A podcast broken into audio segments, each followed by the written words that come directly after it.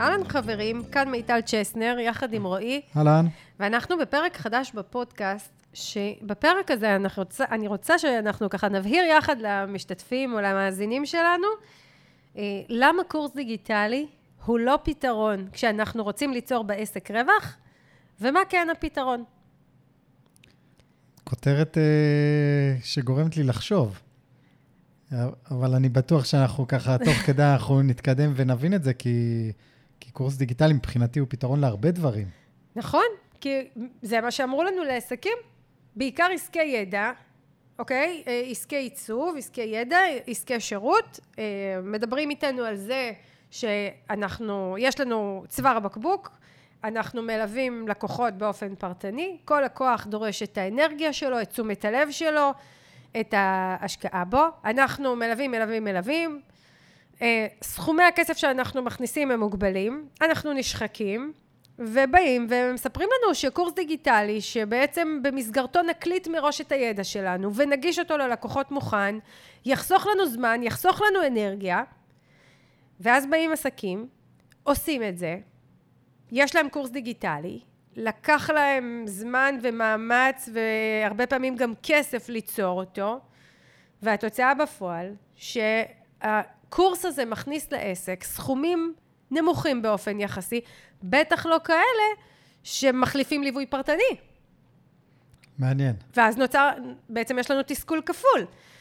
אני גם צריכה להמשיך ללוות באופן פרטני, אני גם, אה, מה שנקרא, תקועה בלופ הזה של אה, עוד ועוד אה, לקוחות שאני צריכה ללוות, גם יצרתי קורס דיגיטלי, גם שיווקתי אותו, מעט אנשים קונים אותו, גם אם אנשים קנו אותו, כמות הכסף שנכנסת לא מספיקה, אני גם מתעסקת עם כל מה שקשור לקורס הזה, ואולי ללוות אנשים, או כל מה שזה דורש ממני, ומה שנקרא, איפה ההבטחה שהבטיחו לי? מעולה. אני רק אגיד דבר אחד. קודם כל, אה, גם לך יש קורסים דיגיטליים בהגדרה, נכון? לא. כן, יש לך קורסים דיגיטליים שהם לא... יש לך תוכניות ליווי. היו לי. לך... יש לי, בוא נגיד ככה. יש לי קורס, יש לי תוכניות ליווי שמשלבות את כל הדברים הטובים שאנחנו יכולים לקבל בדיגיטל, וכמובן שנדבר על זה היום, אבל קורס דיגיטלי, אני, אני חושבת שכדאי לעשות רגע סדר מה זה קורס דיגיטלי. זהו, בדיוק, בגלל זה אני רוצה לשאול, כי גם לי כביכול יש אה, קורסים דיגיטליים או הדרכות דיגיטליות אה, שנועדו, יש להם את המטרה שלהם והם מאוד עוזרים לי. קורסים שאתה קנית, או קורסים לא, לא, לא. שאתה מוכר? שאני לא מוכר. הדרכות דיגיטליות שאני מספק ללקוחות שלי, שחוסכים לי, אם דיברת על זה בהתחלה, על חיסכון בזמן או באנרגיה, ולא להעביר את הידע שלי באופן פרטני, אז הם מאוד מאוד עוזרים לי. עוזרים, מעולה. השאלה היא, האם הם בסופו של דבר מחליפים את הצורך שלך אה, למכור את השירות העיקרי בעסק שלך, ומאפשרים לך להרוויח גם בלי למכור אותו? זה לא. לא.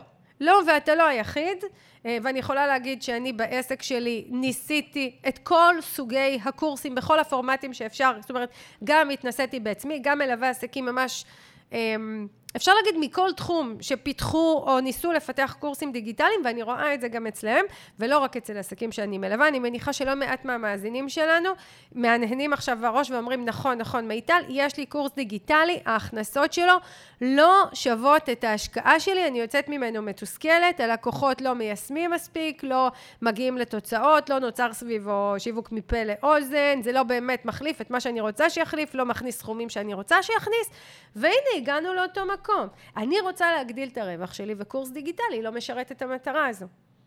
שוב, זה, זה המשפט החשוב. בעצם זה... המוכוונות של השיחה הזו זה בעצם בהיבט של הרווח.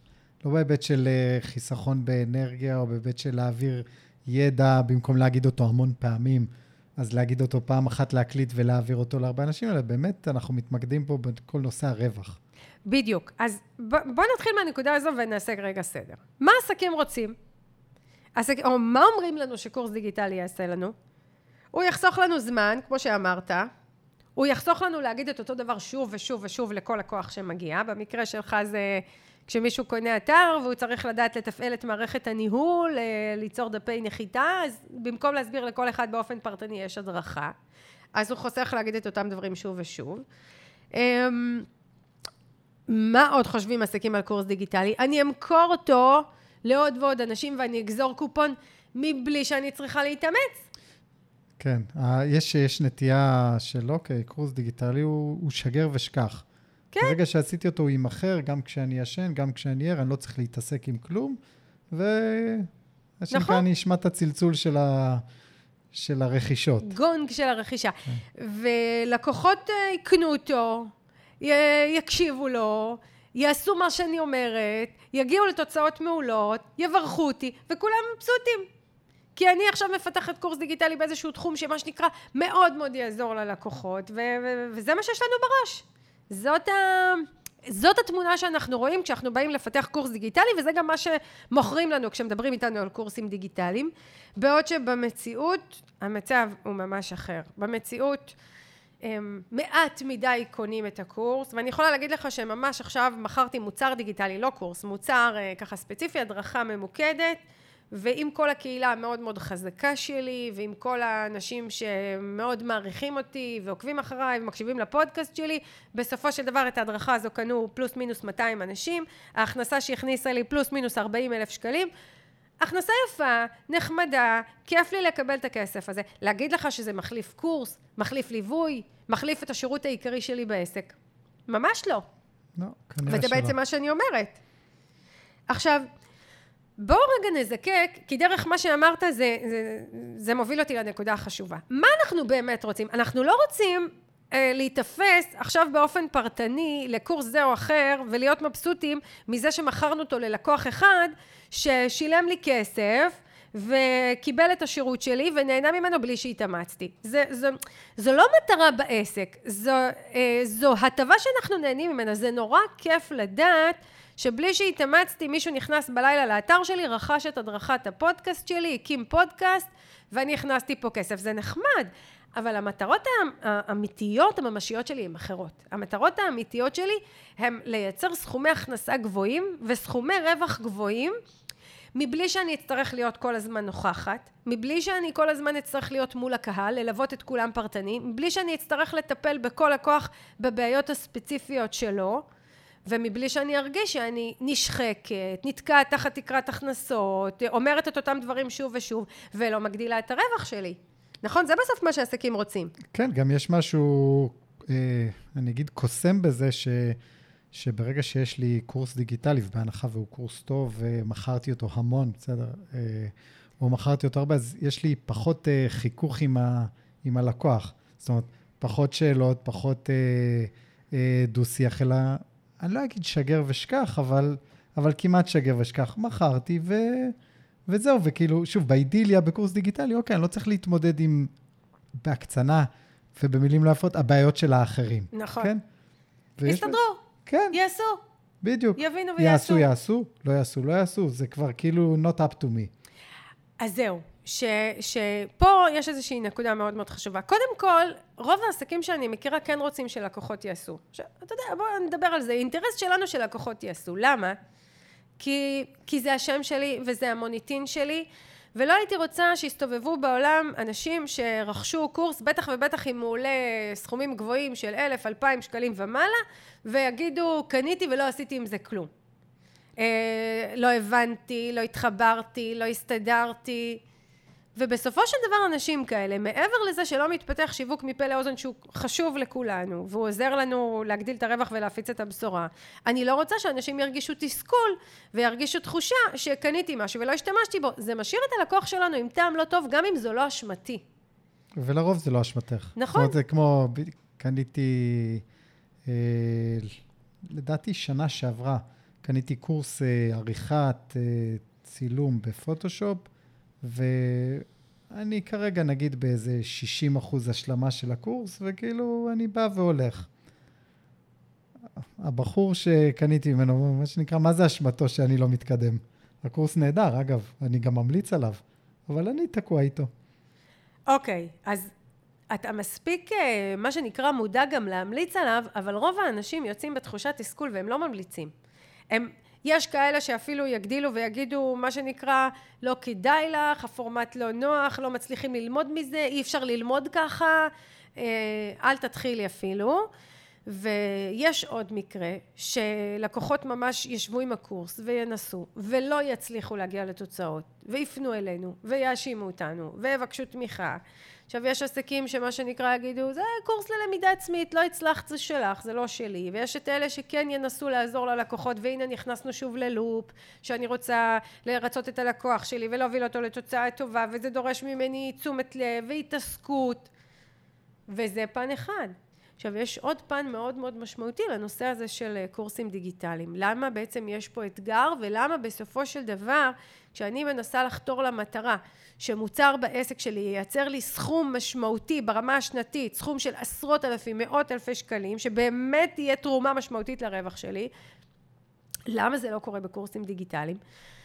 אה, כשאנחנו מדברים על קורס דיגיטלי של מה שנקרא אני אקנה, אני אצפה, אני אעשה, אני אגיע לתוצאות, אני אמשיך, זה רוב הקהל לא רוצה לקנות ככה. רוב הקהל לא רוצה את זה. כן. עכשיו, אם אני באה לקהל, ולא משנה באיזה תחום, אם אני באה לקהל ומציעה לו מוצר שהוא לא רוצה, ובכל זאת רוצה שהוא יקנה את זה, קורים שני דברים. אחד, יקנו אותו מעט מדי אנשים, אם בכלל, יש כאלה שלא קונים שום דבר, יש לי לקוחות שיצאו עם קורסים דיגיטליים, הצליחו למכור בקמפיין הראשון עשרה, לעשרה אנשים, בקמפיין השני לשבעה אנשים, בקמפיין השלישי לשלושה אנשים, וזהו, לא מצליחים יותר למכור. אמ, ואז נדרש מאיתנו שיווק מאוד מאוד מתמסר, מאוד מעמיק, מאוד מקצועי. אה, מאוד מאוד מגויס, ואז בסדר, אז אה, לא הקדשתי הרבה אנרגיה ללוות אנשים, הקדשתי הרבה אנרגיה לבנות את השיווק שלי, או לשווק את המוצר שלי. ועל מוצר שהוא בדרך כלל לא רווחי, או פחות רווחי, כן. לשווק משהו יותר רווחי. ושוב, אנחנו נחדד את הנקודה הזו, כי אני מרגישה שעסקים מפסידים, אה, מפספסים. כשאני אומרת שהמוצר לא רווחי, כשאנחנו אומרים שהמוצר לא רווחי, זה לא שהוא לא רווחי פר יחידה, פר יחידה הוא רווחי. אם מישהי קנתה את הקורס שלי, שעולה 2,500 שקלים, אז הרווחתי עליה. אבל השאלה היא ברמה השנתית, מה השקעתי כדי לקדם אותו? איזה סכום בסופו של נכנס? מה זה דרש ממני בדרך? האם זה נתן תרומה משמעותית לעסק שלי שהייתה שווה את המאמץ הזה? ברוב המקרים שאני מכירה, רוב העסקים מעידים שלא. עכשיו, אני, אני גם רוצה להגיד מה כן. אתה רוצה להגיד משהו לפני? לא, רק לפני זה. אני... לא סתם יש את ה... את ה... זאת אומרת, המחשבה הזאת שאני אעשה קורס דיגיטלי ואני ארוויח ממנו, יש לה בסיס, אה, הוא, יש לה בסיס הגיוני וטוב. ואני אשמח אם תרחיבי למה זה לא עובד. זאת אומרת, בסוף, על פניו, אוקיי, עשיתי מוצר, השקעתי בו, נגיד בפיתוח, אני סתם זורק, בפיתוח ובשיווק עשרת אלפים שקלים, אני, הוא עולה אפילו 500 שקלים. לצורך העניין, אני יכול למכור אותו המוני יחידות. באופן אידילי, וזהו, ואני לאט לאט אחזיר את ההשקעה, ואז מכאן זה רק אה, רווח נקי. אז למה אני לא מצליח, או למה אי אפשר למכור אותו בהרבה יחידות כדי להרוויח? ואני מניח שיש כאלה שכן מסוגלים, או יותר נכון, יש ארצות שזה יכול לעבוד בהן. אה, כן, תכף אנחנו נדבר ככה על... ויש מקומות שזה פחות עובד בהן. כן. אני חושבת שאמרתי את זה מקודם ואני אמקד את זה פה. השתי סיבות המרכזיות, או סיבה אחת שקשורה לשנייה שזה לא עובד, היא שבתיאוריה זה נכון. בתיאוריה יש לי קורס, יש לי ידע ארוז, מוקלט, מוכן, יפה, מעולה, פרקטי, ברור, אבל בשורה התחתונה הקהל לא רוצה לרכוש ככה, ואני מדברת על קורס שהוא מוקלט מראש והוא מוכן, לא מדברת עכשיו על לעבוד עם לקוחות בזום, תכף אנחנו נדבר על זה. זאת אומרת, להדריך מרחוק בשידור חי זה משהו אחר, זה כבר לא קורס דיגיטלי, זה ליווי לקוחות ונדבר על זה. אבל קורס שהוא מוקלט מראש אה, ומוכן, ומה שנקרא, קח תעשה בעצמך, רוב הלקוחות לא רוצים ללמוד ככה. ואז זה דורש ממני שיווק מאוד מאוד מקצועי, מאוד מעמיק, מאוד תובעני, שגם הוא עולה לי כסף, אנרגיה וזמן, ולכן אה, רוב המוחלט של העסקים מגיעים למצב שאם אה, אה, למרות ההשקעה שלהם לא מגיעים לנפח מכירות מהקורס הזה. זה בעצם מה ש... זו הסיבה. כי עסקים מתקשים להבין את הנקודה הזו, אומרים, רגע, אבל מה שאני מציעה, נגיד, אני מדריכת הורים בתחום של גמילה מחיתולים. תשמעי, מיטל, כמעט כל הורה היום שבא לגמול את הילד שלו מחיתולים, צריך הדרכה. בכל מיני רמות, יש כאלה שיקבלו הדרכה וזה יזרום, יש כאלה שיקבלו הדרכה וזה ייתקע וצריכים עוד הדרכה, אבל, אבל הורים ממש צריכים הדרכה, מה הבעיה? אני אעשה קורס, הם יקנו, הם אה, יגמלו את הילד בביטחון ובהצלחה, וזה מצוין לכולם. בשורה התחתונה, באים ההורים ואומרים, אני לא צריך את זה. מה, היא, רוצה שאני אלמד בעצמי? אני אשאל חברות, אני אכנס ליוטיוב, אני אראה סרטונים, אה, אני אתנסה, בוא נראה מה קורה, ואם כבר הגעתי למצב אקוטי שכבר הדברים הסתבכו, אני אלך לליווי פרטני. אבל הקורס הדיגיטלי איפשהו נזנח באמצע. זה לא הדבר הראשון שהלקוחות בעידן שלנו בשנה הזו, אנחנו בשנת 2023, זה לא הדבר הראשון שלקוחות בהמוניהם רוצים לקנות. וכשהיה לנו כבר פרק על אה, מה ההבדל בין שיווק בישראל לבין שיווק בחו"ל, אז דיברנו על זה שהקהל הישראלי הוא קהל קטן, קהל צפוף, קהל ביקורתי, ציני. שלא מתמסר בקלות, שיותר מאתגר למכור לו מאשר לקהלים אחרים, כי הוא בגלל התכונות שלנו כן. כישראלים, וכולנו כאלה, גם אני ואתה כצרכנים, כלקוחות. ו... ואנחנו מתמודדים פה עם הקהל הזה. עכשיו, אם הייתי מייצרת אה, מוצר דיגיטלי לקהל דוברי אנגלית, שיש מאות מיליונים בעולם דוברי אנגלית, אז כנראה ש, ששם, עם אה, שיווק ועם פוטנציאל מכירה הרבה יותר גדול, אני כן אצליח לבסס עסק שמבוסס על קורסים דיגיטליים בלבד. אבל מי שמוכר לקהל במדינת ישראל הקטנה, קהל דובר עברית, את המוצרים והשירותים ומנסה לבסס עסק על מוצרים וקורסים דיגיטליים בלבד, אני לא מכירה עסקים שזה הספיק להם. לכמעט כל העסקים שאני מכירה, היו צריכים גם את תהליכי הליווי או את, את, את הליווי הפרטני, ותכף אני אסביר איך כן אפשר לייעל אותו, כדי להגיע לרווחים גבוהים בעסק.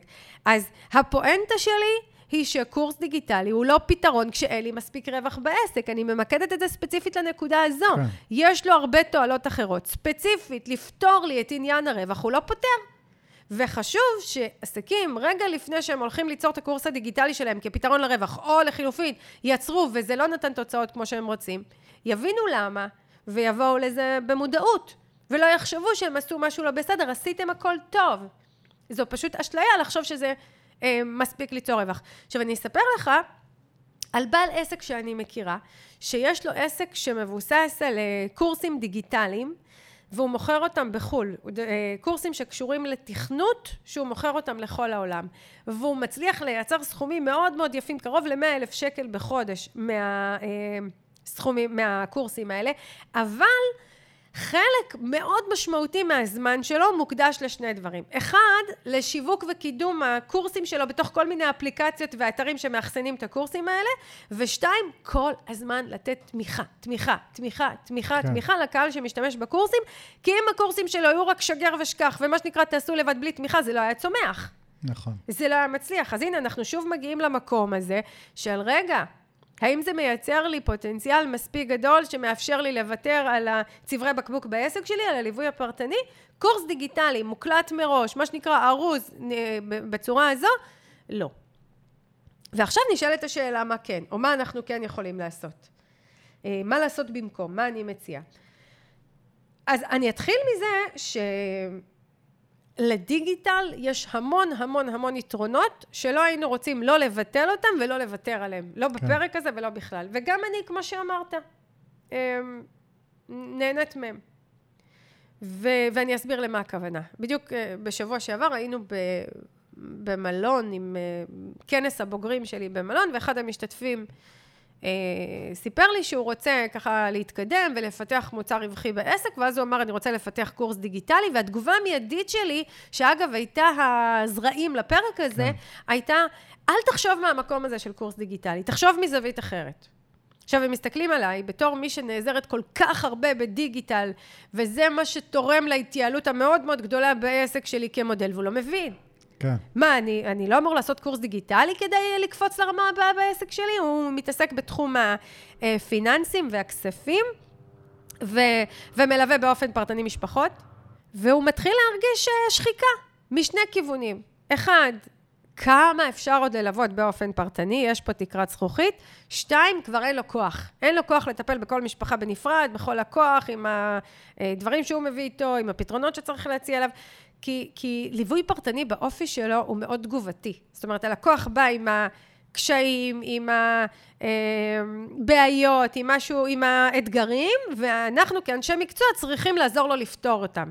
זה מטיל עלינו המון המון אחריות, זה דורש מאיתנו להכיר כל לקוח בפני עצמו, אנחנו לא באמת יודעים מי יבוא לפתחנו ומה הוא יביא איתו, המון אי ודאות. ואנחנו רוצים את הדברים האלה לייעל ולהיעזר בדיגיטל. ואנחנו רוצים להגיע לכמה תוצאות. אנחנו רוצים להגיע למצב ש, שאנחנו יכולים לקבל כמות לקוחות גדולה בו זמנית. אנחנו רוצים להגיע למצב שכמות הכסף שנכנסת בבת אחת כשאנחנו מוכרים משהו היא גדולה. אנחנו רוצים שהאחריות לביצוע ולהשגת התוצאות תישאר אצל הלקוחות ולא תהיה מבוססת עלינו. על כל מפגש איתנו, על כל שיחה איתנו, על מה אנחנו מביאים לפגישה. אנחנו רוצים לא להישחק, אנחנו רוצים שיישאר לנו זמן ואנרגיה, אנחנו רוצים הרבה גמישות ביום שלנו, אנחנו רוצים את כל אלה. ואת כל אלה אפשר להשיג באופן כזה שנהנה מהיתרונות שמביא דיגיטל לחיים שלנו, אבל לאו דווקא בקורס דיגיטלי. ופה אני רוצה לשים את, ה... כן. את המוקד. אז שנייה אחת בואו נדבר על. מה הדיגיטל מביא לנו, או איזה יתרונות הוא מביא לנו כמי שרוצים להעביר ידע לקהל גדול ורחב. אפשר לחשוב על כמה דברים. אחד, אני חושב שדיברנו על זה, על החזרתיות. אם יש לי מה לומר או מה ללמד, ואני צריך להגיד את זה כל פעם מחדש, אבל זה אותם דברים, אז, אז חבל. זאת אומרת, אם אני יכול להקליט את זה, או לכתוב את זה, או לא, לא משנה כרגע מה, אבל נגיש ואני לא צריך לחזור על עצמי, אז זה יתרון אדיר.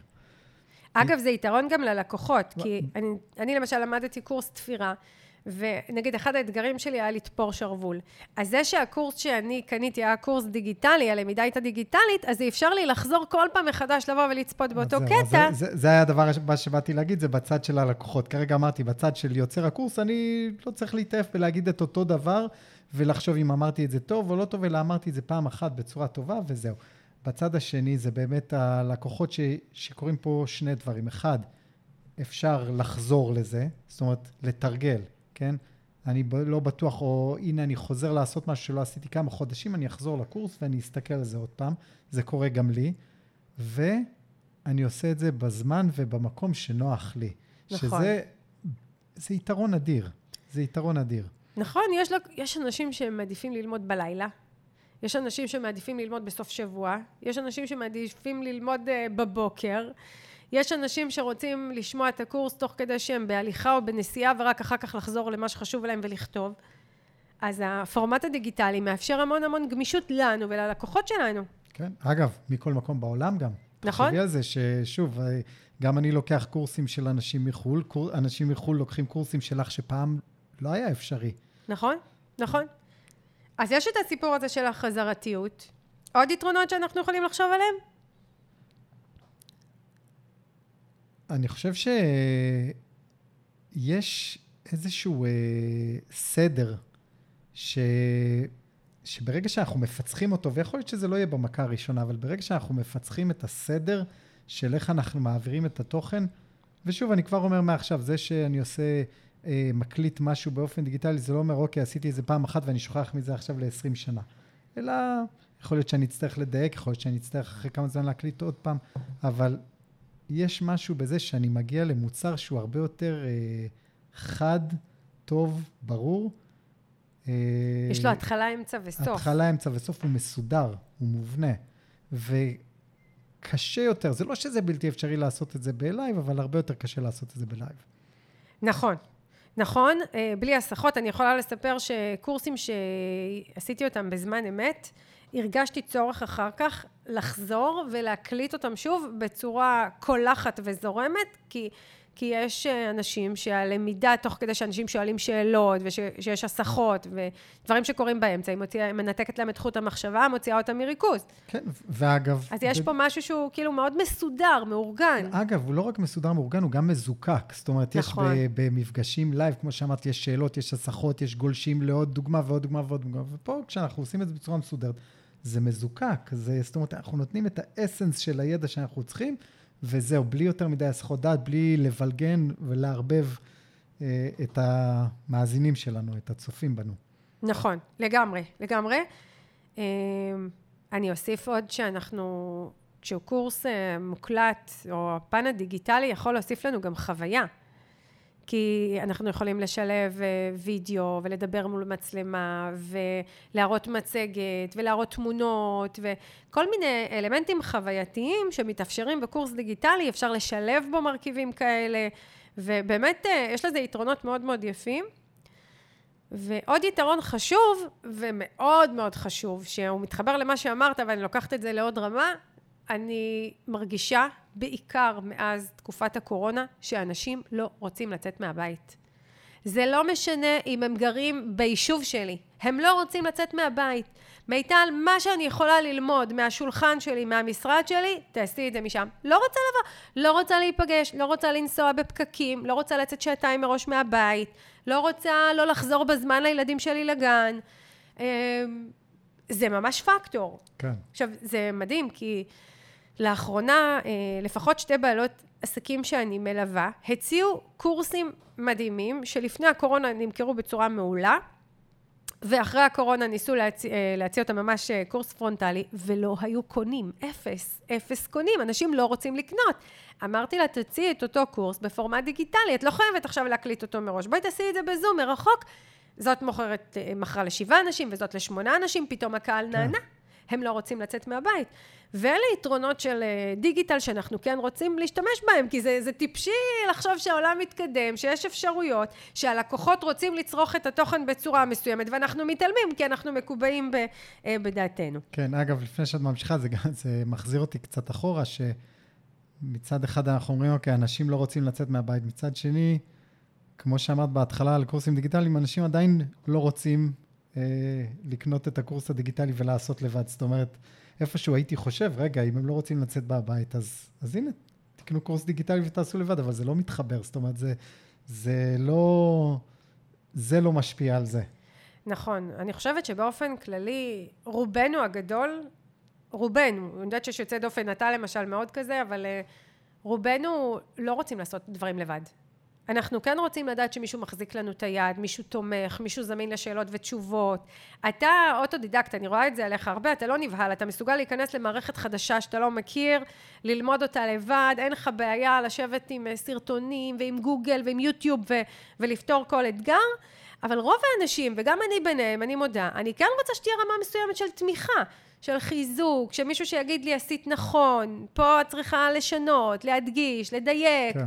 זה יכול לפתור לך את האתגר שאת מתמודדת איתו, זה יותר מתאים לך באופן אישי. ו, ובעצם המכלול של הדברים האלה הוא, הוא חשוב, הכל חשוב. ובנקודה הזו, אתה יודע, אז נשאלת השאלה, אוקיי, אז איך עושים את זה? איך עושים את הכל? איך כן מגיעים למצב שאני יכולה למכור בעסק שלי פרויקטים רווחיים מאוד, ועדיין יעילים, ועדיין להציע את הגמישות, ועדיין אה, להיות ביעילות. מכל, וליהנות ממה שהדיגיטל נותן לנו. ליהנות ממה שהדיגיטל נותן לנו, אה, להתאים את עצמי למה שהקהל רוצה, לחבר בין הכל. אז קודם כל, כמו בכל דבר, אנחנו לא נשיג כל מטרה במאה אחוז שלה. אני לא יכולה להיות גם מאה אחוז נוכחת, מאה אחוז מלווה, מאה אחוז אה, אה, דיגיטלית, מאה אחוז אוטומטי, אי אפשר, אין לנו כן. 500 אחוז ולא אלף אחוז, אנחנו בעצם לכל אחד מהמרכיבים ולכל אחד מההשפעות, אנחנו, יש אחוז מסוים שאנחנו נהנה ממנו כשאנחנו ניצור אה, פרויקט רווחי בעסק. ואם למקד ואם לדייק, וזאת תובנה שככה עלתה לי ממש לאחרונה, פתאום הבנתי איפה הדבר הזה, איפה כל המרכיבים האלה נפגשים. והדבר הנכון שאני מציעה לעסקים, בעיקר במדינת ישראל, הצפופה עם כמות לקוחות מוגבלת, היא לעבוד במסגרת תוכניות ליווי. מה זה אומר תוכנית ליווי? כי זהו. כל אחד לוקח את זה אחרת, אני יודע איך את עושה את זה. אה, אני לא בטוח שאני מבין איך אחרים מגדירים את זה, ולא תמיד הליווי הוא אותו ליווי. מה זה? תמיד הליווי הוא לא אותו ליווי, כל אחד מגדיר את זה אחרת, אז מעניין איך את, אה, איך את רואה את זה. נכון. אה, אז אני אגיד לך. קודם כל, בוא נדבר על תוכנית ליווי בלי לדבר רגע על דיגיטל. אה, עסקים שמרוויחים, כשאני מסתכלת מסביבי ואני מדברת על עסקים שמרוויחים מאות אלפי שקלים בשנה ויותר, ואני מדברת על עסקי ידע, אוקיי? בואו נפריד רגע מוצרים וכאלה. עסקי ידע שמרוויחים סכומים מאוד גבוהים של מאות אלפי שקלים בשנה רווח אה, ויותר, הם עסקים שמלווים בתוכניות ליווי מובנות שהידע שלהם מובנה. אלה עסקים שלרוב לא יעבדו עם מצבים קיצוניים ואקוטיים. הם לא יעבדו עם הקהל שצריך את המצוינות והיחס האישי הכי הכי גבוה כי הוא מצטיין מאוד והוא צריך תשומת לב מאוד מאוד אישית כי הוא כבר ברמות מאוד מאוד גבוהות והם גם לא יעבדו עם הצד השני שזה לקוחות שנמצאים במצוקה מאוד גדולה ומצב מאוד מאוד אקוטי שהם צריכים פה יחס אישי. זאת אומרת הם יעבדו עם ה-60-70 אחוז מהלקוחות שהידע האמצעי מיינסטרימי יספיק להם. אמ, ואז גם אפשר להבנות מולם את הידע, כי אני לא יכולה להבנות ידע כשמישהו בא אליי במצב אקוטי, ואני לא יכולה להבנות ידע כשמישהו בא אליי ברמה כל כך גבוהה שכבר הקפיצה למעלה היא דורשת uh, תשומת לב מאוד מאוד אישית. כן, רק, רק כדי לחדד, כשאת אומרת מצב אקוטי, אז אם עכשיו, אה, לדוגמה, אני, אם נתלבש על, אה, על, ש, על הדוגמה שנתת קודם של... אה, ליווי נגיד גמילה מחיתולים, אז מצב אקוטי זה מצב אקוטי שכבר חודשים משהו לא עובד, ו- ו- וילד שעושה, או ילדה שעושים פיפי בכל מקום, ו- ולא מצליחים לתקשר. או שהגננת אומרת לאמא, תקשיבי, אם תוך שבוע הילד מפסיק לעשות את הצרכים שלו במכנסיים, הוא לא נכנס אליי לגן.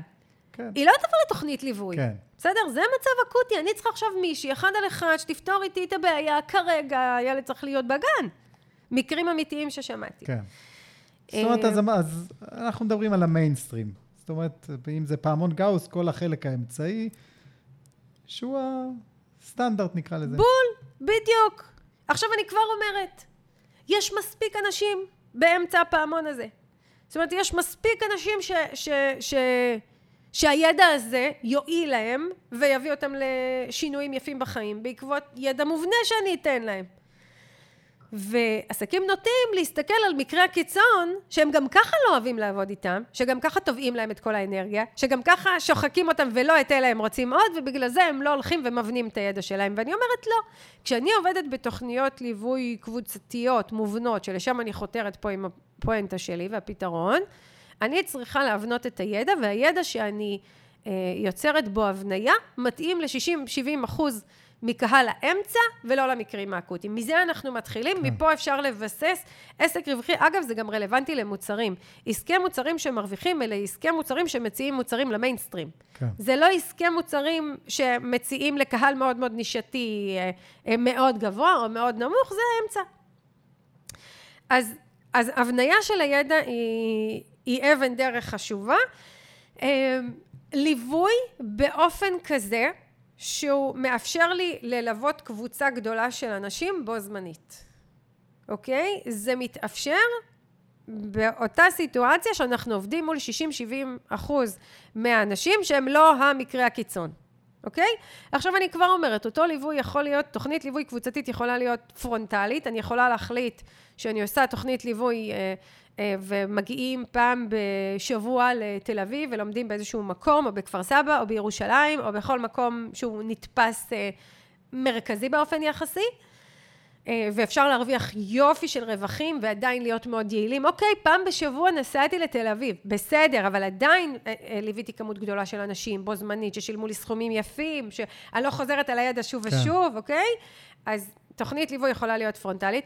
היא יכולה להיות כזו אה, שעובדת מרחוק, לצורך העניין, ללמד בזום. ואני כבר מיישרת פה קו, אף עסק לא צריך להוריד את המחיר שהוא גובה מהלקוחות שלו רק כי הוא לימד בזום. זום זה יתרון, לא משנה, יכול להיות שיהיה אפילו לזום מתחרה. ללמד אונליין מרחוק זה יתרון. מה, זה שלא יצאנו, נסענו והשכרתי מקום ב-500 שקלים, אז זה אומר שאני צריכה להוריד את המחירים? כאילו, זו תפיסה מאוד בעייתית. התפיסה צריכה להיות, האם הקורס שלימדתי ב, אה, בלמידה דיגיטלית מרחוק, לצורך העניין בזום, מועיל פחות מקורס שאני אעשה פרונטלי? לא. ממש לא, כי כשאני מלמדת מרחוק אני גם חוסכת ללקוחות שלי נסיעות והתעסקויות וסידורים גם גדל הסיכוי שהם ישתתפו בשיעור. אני גם יכולה בפורמט הזה להקליט את השיעור למען חברים שרוצים להקשיב שוב או שפספסו. זאת אומרת, יש פה רק יתרונות, למה זה לא הוזיל את המחיר? כן. אוקיי? עכשיו, אני נהנית פה מיתרונות של דיגיטל כי אני מלווה אה, קבוצה גדולה של אנשים, אני עושה את זה מרחוק, יש פה עדיין המון גמישות עבורי.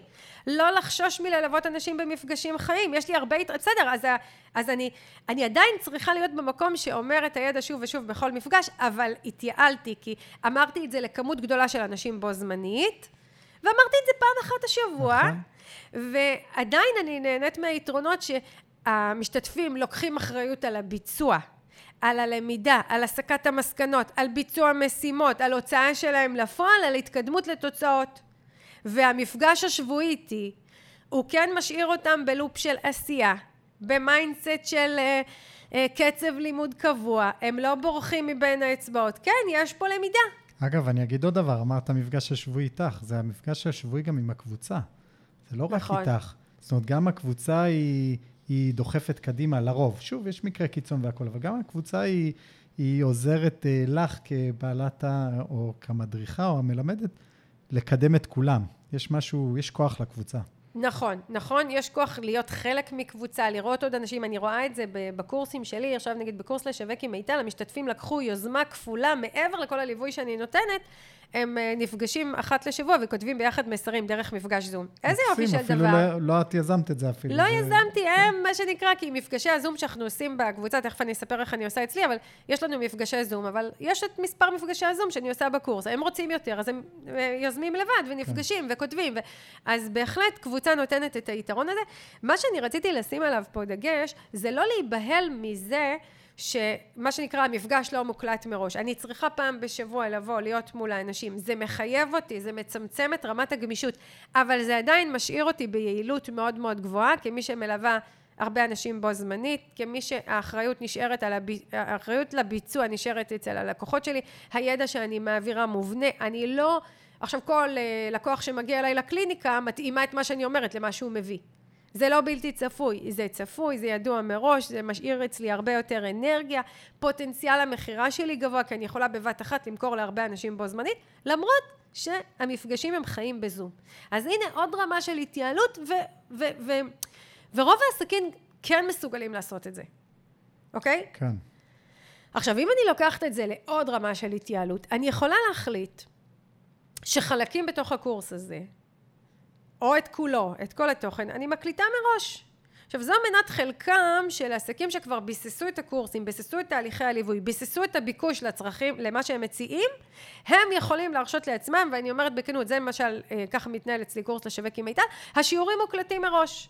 אני בפירוש רואה בזה אה, המון המון המון יתרונות, אני אגיד רק יתרונות, כי אני מלווה גם קורסים בשידורים חיים, ואני רואה כמה שהקלטה מראש היא, היא יותר... אה, יותר יעילה, ועדיין, למה אני בכל זאת אה, מסייגת פה? כי אמרנו שהקהל פחות אוהב ללמוד ככה, אוקיי?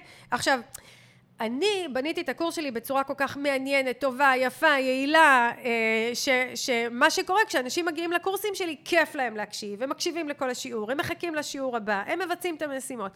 וגם עטפתי את השיעורים האלה שהם מוקלטים מראש בהמון המון המון תמיכה אישית שגורמת למשתתפים כל הזמן להרגיש שהם עטופים והם אה, מלווים, והם לא לבד. ועוד דבר, אה, המפגשים הם לא רק, אה, הם לא רק מוקלטים מראש, זאת אומרת, כל כמה מפגשים יש לך גם מפגש live. נכון. זאת אומרת, זה לא, אוקיי, זהו, הכל הקלטתי ובאמת אני לא צריכה זה, אלא גם יש את, ה, את האלמנט החי, זה שאת מדברת איתם, שאת עונה לשאלות, שאת, שיש דו-שיח, זאת אומרת, במפגש יש זום. יש תמיכה. בדיוק. יש תשומת לב אישית, כן. מיטל מכירה אותי, רואה אותי, מדברת איתי, אני מדבר איתה. עכשיו, זה, אני בדיוק רציתי להגיע לנקודה הזו של המעטפת שתומכת. מה זה המעטפת שתומכת באותו קורס דיגיטלי הזה שיצרתי? אם רק הייתי לוקחת את קורס לשווק עם מיטל ומוכרת אותו בקור, כקורס דיגיטלי, הייתי מצליחה לתמחר אותו אולי רבע ממה שהתוכנית הליווי שלי מתומחרת. היו מגיעים אליו הרבה פחות אנשים, אם בכלל. ושביעות הרצון הייתה עשירית ממה שהיום. בדיוק. התוצאות היו הרבה כן. פחות טובות. השיווק שיווק מפה לאוזן, ההמלצות עליי. בסופו של דבר, כשאני פותחת קורס כזה, ואני נגיד כותבת משהו בקבוצה שלי בפייסבוק, אז מלא עסקים מצטרפים וכותבים ומפרגנים. אפילו הייתה אחת המשתתפות uh, כתבה לי, איזה כיף לך שמדברים עלייך ככה, הייתי רוצה שידברו עליי ככה גם. אז זה באמת תוצאה של... Uh, קורס שנבנה עם המון תשומת לב, עם ניסיון שצברתי, אחרי שעשיתי לפחות שמונה מחזורים ב live, מה שנקרא, אה, בהתחלה פרונטלי ואז אחרי זה דיגיטלי, ו- וצברתי המון ידע, ובניתי את הקורס בצורה מאוד יעילה. אבל עדיין אני מייצרת רשת שלמה של תמיכה וליווי וחיזוק ותחזוקה של המשתתפים, משתי סיבות. אחד, מאוד חשוב לי להיות בקשר קרוב עם הקהל, ופה אני בעצם מדברת לאותם עסקים שאומרים, מיטל, תקשיבי, אני אוהב לעבוד עם אנשים. אני אוהבת לפגוש אותם, אני אוהבת לדבר איתם, אני אוהבת לשמוע מהם, אני אוהבת להוביל אותם לתוצאה.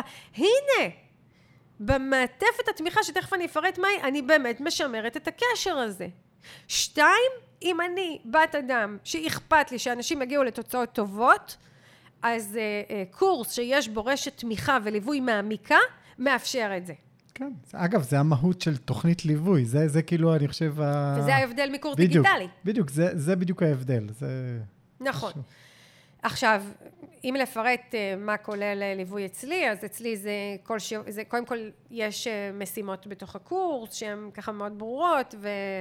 ואני גם כל, גם תמהיל השיעורים, גם כל שיעור, הכל אצלי ככה בנוי בצורה מאוד מאוד מקצועית ו, ו, ויש משימה שבועית לביצוע, ויש uh, כל שבוע שולחים לי אימייל, ויש פינג פונג ותכתובת באימייל, ויש את מפגשי התרגול, ויש את הקבוצה, ויש איתנו גם uh, uh, מאמנת שהוספתי לקורס שעוזרת uh, בין אם זה לסיעור מוחות, ל, ל, לכולם להתקדם יותר, לשמור על מוטיבציה ועשייה, ובעצם יצרתי שם המון המון מרכיבים שהופכים ש, שהופכים את הסיפור הזה של קורס דיגיטלי לחלק השולי בתוכנית שלי. זה הדבר האחרון שאפשר להגיד על הקורס שלי זה שהוא קורס דיגיטלי. כן. עכשיו, לפעמים עסקים פונים אליי ואומרים לי, מה, זה קורס דיגיטלי? אני אומרת, לא. כן, השיעורים הוקלטו מראש, אבל כל המעטפת, כל התוכנית, היא אחרת לגמרי. וזה בסופו של דבר מה שאני רוצה לומר לעסקים. אני רוצה לומר לעסקים דבר כזה. אנחנו, אם הגענו למצב שנמאס לנו ללוות כל הכוח בנפרד, ומתחילה להיווצר שחיקה, ואין לי כוח לומר את אותם דברים שוב ושוב, ואני לא מסוגלת יותר שכל כך הרבה אחריות על הכתפיים שלי, ואני כל הזמן צריכה לתת עצות לאנשים. ומי שמגיע אליי הוא בלתי צפוי, ואני לא יודעת איך התהליך מתחיל ואיפה הוא ייגמר. הפתרון הוא לא קורס דיגיטלי, הפתרון הוא תוכנית ליווי קבוצתית, מובנית, ברורה, שמותאמת לפלח מסוים של קהל היעד, אני אגיד יותר מזה, הרבה פעמים אנחנו נצטרך לקחת את התוכנית הזו ולמקד אותה באיזשהו תת נושא בתוך התחום שלנו. לא כל תחום, נגיד הדרכת הורים, אני לא יכולה לעשות תוכנית ליווי הדרכת הורים. אני אבחר נושאים בתוך הדרכת ההורים שסביבם אני יוצרת את תוכנית הליווי. כן. כי, כי, כי וואו, הדרכת הורים זה, זה טווחי גילאים, זה טווחי התמודדויות, זה כל כך הרבה ניואנסים, מרכיבים בתוך הדבר הזה שנקרא הורות, כל גיל והאתגרים שלו. כל אה, אה, אה, התמודדות היא אחרת. יש גם כמובן קווים כן. שמחברים בין התמודדות עם פעוט, ילד בוגר, אה, גמילה מחיתולים והתמכרות לאינטרנט. אבל, אה, אבל כן, כל תת נושא יקבל תוכנית ליווי משלו כדי שנצליח להוביל את הקהל שלנו לתוצאות. ו, ואם אנחנו עושים את אותה תוכנית ליווי קבוצתית, בצורה מובנית, אה, בין אם פרונטלית, בין אם מוקלטת מראש, בין אם בשידורים חיים מרחוק, בכל המצבים האלה אנחנו מגיעים לתוצאות האלה שדיברנו עליהן פה. אנחנו מורידים שחיקה, אנחנו לא חוזרים על עצמנו שוב ושוב, אנחנו בגמישות מלאה מול הלקוחות, אנחנו מובילים את הלקוחות לחולל תוצאות בעצמם, אנחנו מורידים מעצמנו עומס, אנחנו, זה לא שאנחנו מורידים מעצמנו אחריות אה, לליווי. אנחנו מורידים עצ... מעצמנו אחריות לתוצאות, כי בסופו של דבר הלקוח מסוגל לחולל את התוצאות בחיים שלו. אני לא יכולה לחולל למישהו תוצאות, וזה איזשהו גבול מאוד מאוד דק ש... שנפרץ בליווי פרטני. אה, ואני יכולה להגיד לך, בתור מי שמלווה עסקים, שכתוצאה מזה, העסקים אה, שאני מלווה מגיעים לתוצאות הרבה הרבה יותר טובות. היופי בפורמט הזה, זה שני דברים שמאוד מאוד בולטים. אחד, אני הרבה פחות תגובתי ויותר יוזם. מה זאת אומרת? כשאני מלווה באופן אישי, למשל תהליך, אז אני, מגיעים אליי, אני שומע את הבעיה ואני צריך לתת פתרון, אוקיי? במקרה הזה אני כבר הבניתי את התהליך, אני כבר יודע מה צריך לעשות בכל שלב, ואז אני פחות uh, מתעייף, פחות אנרגיה, כי אני, אני מראש יודע, אוקיי, בהתחלה נעשה X, אחרי זה נעשה Y, אחרי זה נעשה Z, בום, נגיע לפתרון שלנו. מוריד ממני את האנרגיה ותכפילי את זה בכמות האנשים, זה, זה במכפלות. זה דבר אחד. דבר שני, ה... במחזור שני, שלישי, רביעי, חמישי, זה רק הולך ונהיה יותר ויותר קל. זאת אומרת, כי גם אני יוזם, אבל גם אני כבר יודע בדיוק את התגובות ואת הבעיות שנוצרות, ואו שאני משפר את התהליך ליווי שלי כדי לפתור את הבעיות האלה מראש, או שאני יודע לענות עליהן בצורה מאוד מאוד מהירה. וזה יתרון, אני, אני ככה מסתכל מהצד עלייך ואני רואה את זה, את ה, ככה את האבולוציה והשדרוג כל הזמן של התהליכי ליווי שלך, וזה משהו שהוא, שהוא ענק, שאין ב, בשום דבר אחר פרט לתוכניות ליווי מסודרות. נכון, נכון, וזה גם נוסח בנו הרבה ביטחון כמנחה הליווי. כי אה, אני עושה את זה, ואני עובדת עם אנשים, ואני רואה לאורך זמן את ה... מה שנקרא, את הסדר שנוצר, ואיך הכל מתחבר, ו, ואיך זה עובד. אז זה נוסח בי ביטחון לקדם את זה, להביא אנשים, ללוות אותם, וזה גם גורם לזה שלקוחות יהיו מרוצים מה, מהליווי וימליצו לחברים. ואני רוצה להגיד עוד משהו ש... בהקשר למה שאמרת, אה, שהוא מאוד חשוב, אה, לגבי זה שאנחנו פחות תגובתיים ויותר יוזמים. אז אני רוצה להגיד פה כמה מילים לאותם עסקים שנבהלים מזה, כי יש עסקים שכאילו לא מבינים, אומרים, אני, כשמגיעים אליי נגיד לקליניקה, או לתהליך עיצוב, או באים אליך לאתר אינטרנט, אמ, הלקוח בא עם משהו, ואני נותן לו פתרון. ו... ואז מגיעים לאיזושהי תוצאה. עכשיו, קורסים, המטרה שלהם היא אחרת מטיפול. זאת אומרת, המטרה שלנו היא לא לקחת תהליכי טיפול, תהליכי ליווי, איך אני מלווה בקליניקה, איך אני מלווה בפרויקט עיצוב, ולהפוך את זה לקורס. לא, לפעמים כן, לפעמים זה יכול לעבוד, אבל ברוב המקרים זה לא המצב. ברוב המקרים, תהליך ליווי או תוכנית ליווי, המטרות שלהם אחרות. מכיוון שאנחנו לא מתעסקים במקרים האקוטיים, אלא מתעסקים, מה שנקרא, במיינסטרים, אז אנחנו בכלל, יש מקום לתבנת את הידע בצורה שאני לא תגובתית, אלא יוזמת. כן. עכשיו, כולנו נמצאים במקום הזה, אנשי מקצוע שכבר עובדים תקופה. בסדר, מי שרק פתח את העסק זה בסוף, זה בדרך כלל לא המצב, אבל אה, איש מקצוע שכבר עובד שנה. אה, מדריכת פילאטיס, אה, מדריכת הורים, אה, באמת, כל תחום שהוא. כבר ליוויתי לקוח, שניים, שלוש, ארבע, באמת כבר קשה להפתיע אותי. אני כבר יודעת מה עושים בכל שלב, אני יודעת מה הם מפספסים, אני יודעת מה אני רוצה שהם ידעו. אני יכולה ליזום תהליך ליווי שהמטרה שלו היא אחרת מהמטרות שמממש ליווי פרטני. וזה בסדר, זה לא חייב להיות במקום. נכון, וזה ייתן, ואני כבעל המקצוע, אני גם יודע שזה ייתן, ייתן מענה מצוין לאותו לקוח. זאת אומרת, הוא בא ל-X, אני אומר, רגע, עזוב את X, רגע, אני אתן לך Y, אתה תגיע לפתרון יותר טוב או, ל, או לתוצאה יותר טובה, כי שוב, כי כבר עשיתי את זה בעבר, כי כבר אני מנוסה, כי כבר ראיתי 100 אנשים כמוך ש, שחווים את אותו דבר. נכון. אתה יודע מה אה, עלה לי בראש דוגמה? אני עכשיו uh, בתהליך של ליווי, למה שנקרא להתפתחות תודעתית, אם לקרוא לזה ככה. אמ, ו- ואני עושה את זה בליווי של אה, אחת על אחת עם אה, אשת המקצוע שמלווה אותי שהיא מדהימה. עכשיו, מה קורה ב- בליווי פרטני? כל שבוע אני מביאה את, ה, את מה שאני מביאה איתו, והיא מגיבה לזה. עכשיו, לפעמים היא מספיקה לתת לי תרגילים שהיא רצתה לתת, ולפעמים לא. ולפעמים היא מספיקה, לה, היא באה אולי עם איזושהי אג'נדה, איך היא רוצה שהמפגש יתנהל, אבל הבאתי את מה שהבאתי ולא הספקנו. ו, ואנחנו לא מצליחות להגיע לנושאים שהם לא, מה שנקרא, מה שהבאתי לשולחן עכשיו שהוא אקוטי והוא בוער. אנחנו לא מצליחות להגיע להתפתחות אמיתית, ללמידה, ל, ל, לחשיבה מערכתית יותר, לראות את הדברים מלמעלה. אלה לא דברים שמתאפשרים בליווי פרטני שאני רק מגיבה ללקוח שמולי. אבל כשאני יוזמת תוכנית, אני יכולה, בעצם כמו שאמרת, מלמעלה להסביר את הדברים בצורה כל כך טובה ויפה, להוביל לתהליך של התפתחות, של שינוי, של תוצאות יפות, ו- ו- ולחסוך את המצבים האקוטיים האלה. עכשיו, זו הסתכלות אחרת, זה mindset אחר, זה, אלה תוצאות אחרות, שאנחנו יכולים להוביל את הקהל אליהם, ולפעמים זה דורש מאיתנו שינוי מסוים בקהל. זאת אומרת, אנחנו רגילים לבוא, לעבוד רק עם מי שנידי ודורש תמיכה, ועכשיו אנחנו מתחילים לעבוד עם קהל אחר שהוא יותר יוזם כן. ויותר מנהיג ורוצה לחולל בחיים שלו שינויים בכוחות עצמו. זה נהדר. אני מניחה שרוב המוחלט של העסקים אה, ירצו לעבוד עם קהל כזה. כן, וגם, וגם בסוף זה תהליך, זאת אומרת, זה לא שיום אחד, אוקיי, אני, אני מכבה את השלטר או מעביר אותו ככה ל-180 מעלות, ואני אומר, אוקיי, עם כל אלה אני מפסיק לעבוד, עם אלה אני מתחיל לעבוד, אלא זה תהליך. מתחילים, עושים את הדברים במקביל בהתחלה, ורואים מה טוב, ומשפרים, ו... ולאט לאט. לפי זה גם מה בתוך התוכנית, וגם זה שאני גם מלווה פרטי, גם מלווה קבוצתי, ואני מתחילה לזהות איפה עובד יותר כן. טוב. כן, כ- כבעלת מקצוע. בדיוק, ואז גם איפה עובד יותר טוב, גם איפה יותר להשקיע, גם מה יותר רווחי. נכון? רואים את זה? מה פחות שוחק אותי, כן. מה נותן לי יותר כסף ברמה כמותית. אני עברתי את התהליך הזה לפני כמה שנים, ויש לנו פרק בפודקאסט, איך עברתי מליווי כן. פרטני לקבוצות בלבד.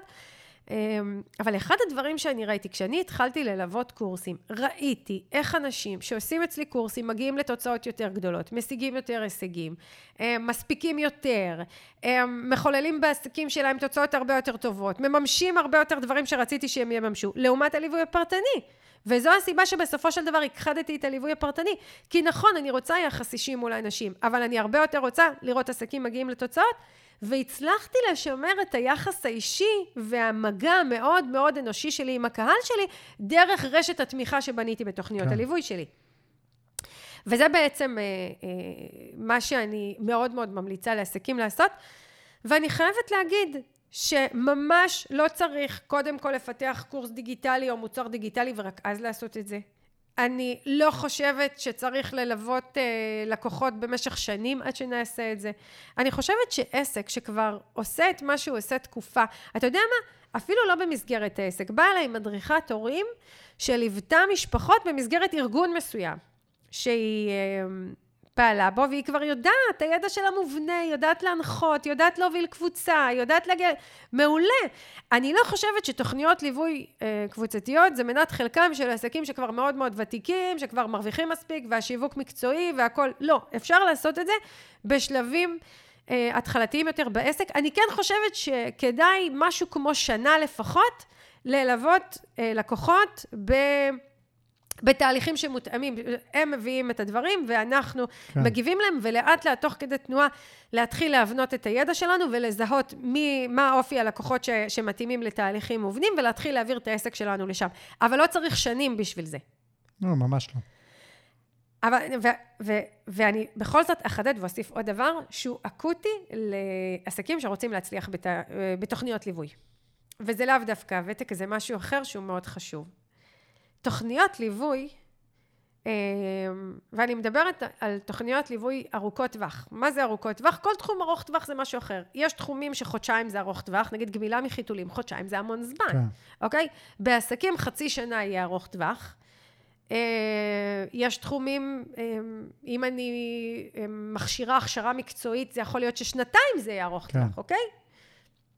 לא משנה מה, מה התחום שלי, אם אני בוחרת בליווי ארוך טווח, זה דורש ממני אה, מחויבות והתגייסות ו mindset שמתאים לזה. אז קודם כל, אני צריכה להיות מישהי שמעריכה תהליכים. ולמה אני אומרת לך את זה? כי אני בעוד uh, חודש, קצת פחות מחודש, פותחת תוכנית ליווי לפיתוח תוכניות ליווי, ויש לי גם הדרכה חינמית uh, בוובינר בעוד שבועיים. Uh, וכשפרסמתי אותם, אז בעלת עסק, uh, שתי בעלות עסקים אמרו לי, מיטל, לא מתאים לי ללמוד את הנושא בתוכנית ליווי, אני רוצה לעשות את זה בכנס של יום אחד. כן. ואני אמרתי, רגע, אם את לא מסוגלת להביא את עצמך לתוכנית ליווי, ללמוד בהדרגתיות, איך את רוצה שאנשים יבואו אלייך לתהליכים כאלה? בואי תהיי קודם כל הדוגמה. עכשיו, אה, יש בזה הרבה משמעויות שהן מעבר ללהיות דוגמה. יש לזה משמעויות, אה, תהליכים משמעותיים, לוקחים זמן להבין, ליישם, לחולל את זה, להוציא את זה לפועל, לראות את התוצאות, שזה זה לוקח זמן, זה לא משהו שאפשר לעשות באופן חד פעמי. ונאה דורש, דורש נאה מקיים. אני רוצה את זה מהקהל שלי, אני רוצה, אני צריכה לצפות את זה גם מעצמי. נכון. אגב, זה, זה לאו דווקא בתהליך ליווי כזה, למרות שזו הדוגמה, אבל שוב, אם אני אלך להתחלה של קורסים דיגיטליים, אם אני מעולם לא צפיתי בקורס דיגיטלי, אני לא מתחבר ל, אה, לקונספט הזה, אז אני גם, אני, אם אני אציע את זה, זה לא יצא טוב. זה כאילו, לא כי- יצא טוב, וגם בדיוק. אתה לא תציע את זה טוב. בדיוק, בדיוק. אם אתה לא מאמין בזה בצורה שאתה לא צורך את זה, אתה לא תצליח למכור את זה. בדיוק. הקהל יודע כשעובדים עליו. אמ, אז זאת נקודה אחת. זאת אומרת, אנחנו צריכים באמת פה להיות דוגמה ולהסכים לזה. ו- וזה אומר שאנחנו גם צריכים להיות אנשים שבאופן אה, מקצועי רואים את העסק שלנו לטווח ארוך. כי ללוות אה, לקוחות לחודשים קדימה, הוא, הוא מעיד על המוכנות שלי להיות פה עוד שנים. אתה יודע, כשאני... זה לא רק מוכנות, זה ידיעה. ידיעה, וזה גם המסר שזה מעביר. כן. כי אם אני עכשיו מוציאה תוכנית ליווי שאורכת שמונה חודשים, תשעה חודשים, מה אני אומרת ללקוחות שלי? אני פה להישאר. כן. אני פה איתכם. העסק שלי הוא לא בר חלוף. כן. אני לא מבקשת מכם כסף ומה שנקרא, כן תצליחו, לא תצליחו עוד חודשיים, אני לא איתכם, שזה לצורך העניין קורס דיגיטלי, שגר, שכח, יצליחו, לא יצליחו, כן. איזה מסר עובר שם.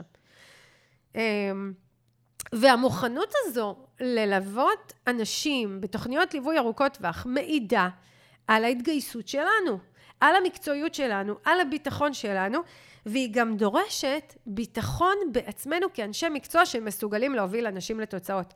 כי אם אני מלווה אנשים בתוכנית ארוכת טווח, אז אני מישהי שבעצם מצהירה לקהל, אני עומדת מאחורי מה שאני מציעה.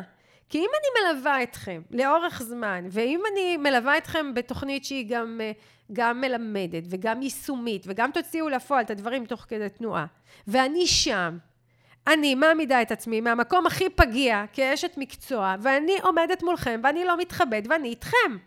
והקהל מאוד מעריך את זה, אבל זה דורש המון המון אה, מוכנות מצידנו, כי עסקים שחושבים רק לטווח הקרוב, ויש עסקים שאומרים לי, הכי אמיתי, מיטל, אין לי כוח לדבר הזה. תעזבי אותי, תני לי, מה שנקרא, יבוא אליי לקורס, אני עכשיו אלמד את השיעור, אני אשאר אחרי זה עוד אה, חצי שעה לענות לשאלות, וזהו.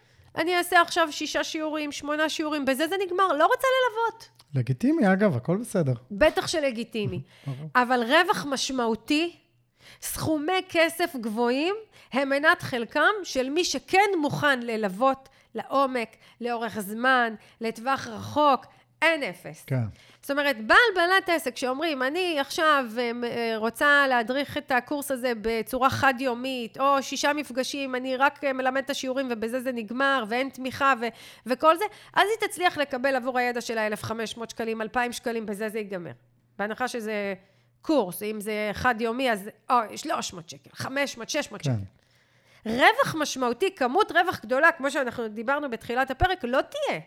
להחליף את הליווי הפרטני, לא יחליף. לתת יציבות בתזרים, לתת רווח גבוה, לא ייתן. תוכניות ליווי רחבות ומובנות, כן. אז כן, זה לא מתאים לכולם. כן, יש כאלה שלא רוצים את זה. אבל uh, רווח משמעותי של מאות אלפי שקלים, עסק שלי שמכניס מיליון וחצי שקל בשנה, הוא עסק שמוכן ללכת לטווח ארוך, מוכן להתחייב כלפי אנשים, מוכן ללוות אותם לעומק, מוכן להציע להם רשת של תמיכה. זה חלק מהעניין, זה בא יד ביד עם רווח. כן, אני רק אגיד דבר אחד, כל מה שאת כן מוכנה לעשות בשביל זה, אה, יכול להיות שזה משהו מפחיד אנשים ולא דיברנו עליו, זה האחריות לתוצאות.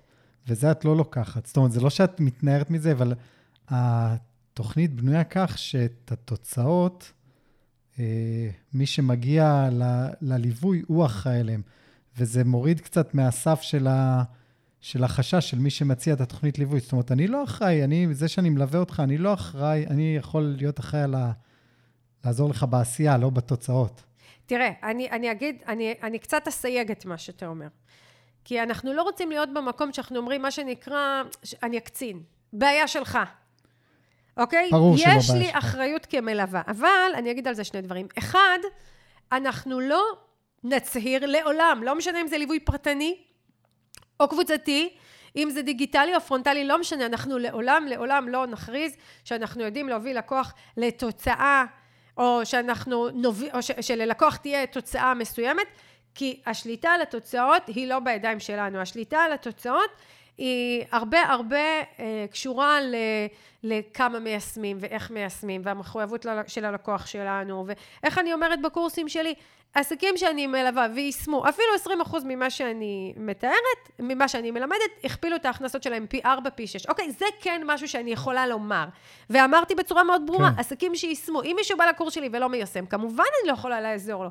אה, אז זה דבר אחד, אה, אנחנו כן רוצים להוביל לתוצאות, השאלה היא איך אנחנו מתארים אותם. שתיים, אנחנו, אה, המטרה שלנו היא להוביל לקוחות לשינוי. כי תוצאה היא דבר שמשתנה. אבל שינוי, השינוי שהלקוח רוצה, את זה אנחנו כן צריכים להיות מסוגלים להבטיח, ואני חושבת שבעל כן. עסק טוב, בעל מקצוע טוב, צריך להיות מסוגל להוביל את הלקוחות שלו לשינוי. את זה אני כן אצהיר בתוכנית שלי, כי אם אני לא אצהיר את זה, זה לא יקרה. ברור, ברור. אבל פשוט... האחריות אה, שלי, אם אני מזקקת את מה שאתה אומר, כי אני מתחברת, אתה צודק, אה, האחריות שלי היא לא אה, לזה שיהיו לו תוצאות, אלא האחריות שלי היא לתת את כל מה שהבטחתי כדי שהלקוח שלי יוכל לסי... ליישם ולראות את השינוי. נכון, אני מסכים, רק מה שאני אומר, הסיבה שהעליתי את זה זה כי, כי בסוף עלול להפחיד אה, את מי שמקשיב לנו של אוקיי, מה, אני עכשיו מתחייב גם לשנים קדימה, או לחודשים קדימה, וגם לזה שאני פה, וגם ביטחון, וגם, אולי הם חושבים, גם לתוצאות. אז לא, זאת אומרת, בשביל זה היה חשוב להדגיש שזה לא, זה לא בא עם החבילה בהכרח. נכון. אמ, כן, אני פשוט, שוב, ומה שאני בעצם מחזקת בדברים שלך ומדייקת זה שאנחנו, תראה, בוא לא ניתמם. מישהו מגיע אליי לקורס, הוא רוצה לראות תוצאות. ברור. אבוי לי אם אנשים היו באים לקורס שלי ולא רואים תוצאות. לקורס שלי לא היה זכות קיום. ברור. לא הייתה זכות קיום. אמ, העניין הוא איך זה נעשה. זה, כשבאים לקורס, ש... כשהיו באים אליי בעבר לתהליכי ליווי, אז אני הייתי צריכה כל שבוע למצוא רעיונות לפעילויות, לכתוב להם את המסרים, להציע להם רעיונות למסרים, להסביר להם איך לפתח את המוצר, איך להגיב ללקוחות. אני כל הזמן הייתי צריכה להיות זאת ש, שיוזמת ונותנת פתרונות ונותנת תשובות. כשאני אה, מקיימת תוכנית ליווי, אני מלמדת את הלקוח שלי לחולל ולעשות את הדברים אצלו בחיים. ומה שנשאר לי זה להגיב לו, לדייק אותו, למקד אותו, לוודא שהוא הבין. וזה mindset אחר. כן. שהוא משאיר את האחריות אצלו, ועדיין שנינו רוצים לראות את התוצאות וחותרים לשם. ברור. Uh, דבר אחרון שאני רוצה להגיד בעניין הזה, זה כמה מילים לנושא השיווק. Uh, עסקים שיצליחו לקיים תוכנית ליווי רווחית ולשווק תוכנית ליווי רווחית, הם עסקים שמתנהגים ככה גם בשיווק שלהם. השבוע, למה אני אומרת את זה? כי השבוע, כשדיברתי על אה, תוכנית הליווי שאני פותחת, אז אה, אחת מבעלות העסקים אה, שאני מלווה וחושבת להצטרף, אז היא אמרה לי, רגע, אבל מיטל, אני, אני מנסה לקדם פרויקטים קטנים יותר, ואני עושה את כל מה שצריך, מעמדי מכירה מרוכזים, דפי נחיתה, מסרים, וזה עדיין לא מספיק, אני לא מצליחה מספיק למלא את זה. איך אני, איך אני אצליח למלא תוכנית ליווי?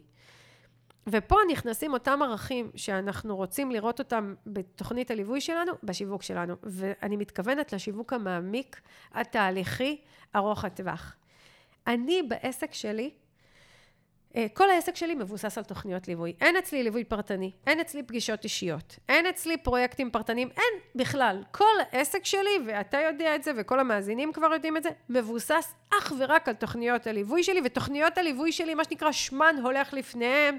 מאות של עסקים שמעידים על תוצאות מדהימות, על התקדמות, על יחס אישי, על המעורבות שלי בחיים שלהם. כל מה שאני אומרת פה, אני אומרת מניסיון. אבל הבסיס שבזכותו מגיעים אנשים אליי, נותנים בי אמון ומצטרפים לתוכניות הליווי שלי שהם בפורמט רווחי, נובע מזה שהשיווק שלי הוא שיווק שמעביר את אותם ערכים. בין אם זה הפודקאסט שלי, שזה ערוץ שכולו נתינה. כן. אין פה מכירות. כל דבר שבוער בי, שחשוב לי לומר, אני אומרת בפודקאסט. אה, וזה בכלל לא משנה לי, כן קנו, לא קנו, מי שמקשיב לי קונה, זה בכלל לא על השולחן, ערוץ שהוא נתינה. מתנה דיגיטלית מעמיקה, מה, אה, אה, וובינרים שאני עושה, מסרים שאני מעלה ברשתות החברתיות. אתה יודע שאני מממנת ברשתות החברתיות אך ורק מסרים שהם לא מכירתיים בכלל? כן. כי אני רוצה לבנות את הקהילה שלי, את האימון, את החיבור אליי, והוא לא יכול להיווצר אם יש מכירה ברקע. אה, וזה בעצם מה שאני רוצה, זאת החוליה הנוספת שאני רוצה להגיד בהקשר הזה של אה, תוכניות ליווי. תוכניות ליווי ארוכות טווח שמייצרות לעסק רווחים מאוד מאוד גבוהים, הם מנת חלקם של עסקים שעושים גם שיווק שמאופיין בערכים כאלה. ו- ו- ויש לנו מספיק פרקים על כן. שיווק מעמיק, אפשר לחזור להקשיב גם להם, אבל זאת נקודה שהיה חשוב לי לציין. וזהו, לדעתי הקפנו את הנושא מכל הכיוונים, נכון?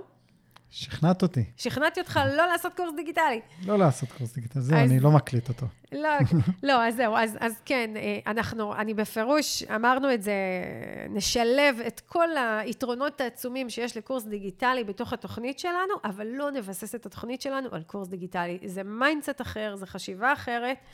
אה, אתה יודע, לגבי התוכנית שאני פותחת, עסקים שאלו אותי, באו אליי כמה עסקים, אמרו לי, מיטל, יש לי קורס דיגיטלי. התוכנית שלך תועיל לי?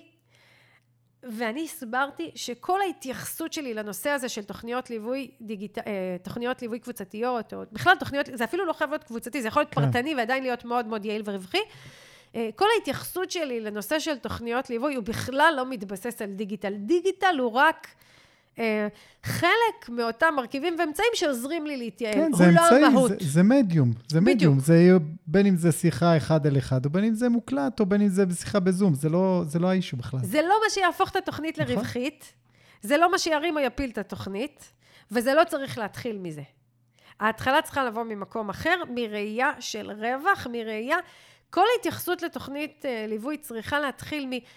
מה אני יכולה להציע לקהל שלי שהוא כל כך ירצה את זה והוא כל כך יעריך שאני מלמדת אותו את זה שלב שלב עם תמיכה, עם ליווי לאורך זמן ואיך אני מתאימה את זה במקסימום לדרך שבה הוא רוצה לקבל את זה ועדיין שומרת על הגבולות של היעילות והגמישות שלי. כן. וזה בעצם התמהיל. אה, אני אסכם ואומר שהפרק הזה מוקלט ב-13 לשלישי 23, ב-22 ו-23 לשלישי אני עורכת אה, הדרכות חינמיות בנושא פיתוח של תוכנית אה, ליווי לעסקים שמקשיבים לנו וירצו להבין את הנושא הזה יותר לעומק, או לצורך העניין יבינו למה זה חשוב ורוצים ממש ללמוד באותה הדרכה חינמית איך עושים את זה בפועל, מה המרכיבים לתוכנית כזו, כי גם אם הבנתי, יש דרך ליצור את התוכנית, ויש דרך אה, להבנות אותה, ויש דרך לעשות אותה בצורה שהקהל אוהב להקשיב לה, ובצורה שהקהל מבצע את המשימות ומגיע לתוצאות. אני הולכת להדריך את זה בהדרכה חינמית, אז אה, אני אצרף לפרק הזה גם קישור, אה, כדי שהמאזינים יוכלו להקשיב, להצטרף להדרכה. וזהו, אה, רועי, אני אגיד לך תודה על שיתוף הפעולה בפרק הזה, כמו בכל שבוע. בכיף. תודה למאזינים שלנו. אפשר uh, ורצוי, וממש נשמח שתשתפו את הפרק הזה עם חברים שלכם, בכל דרך שתתאים לכם, וואטסאפ, סטורי, קבוצות, uh, בפרטי. אפשר לשאול אותנו כל שאלה לגבי הפודקאסט הזה בקבוצת עושים עסקים גדולים עם מיטל צ'סנר בפייסבוק. ותודה רבה למאזינים שנותנים בנו אמון שבוע אחרי שבוע, מאזינים לנו, נותנים לנו עצות, מפרגנים לנו, מחמם את הלב, מאוד מאוד כיף לנו. ושרק נמשיך לעשות עסקים גדולים. ביי ביי. ביי.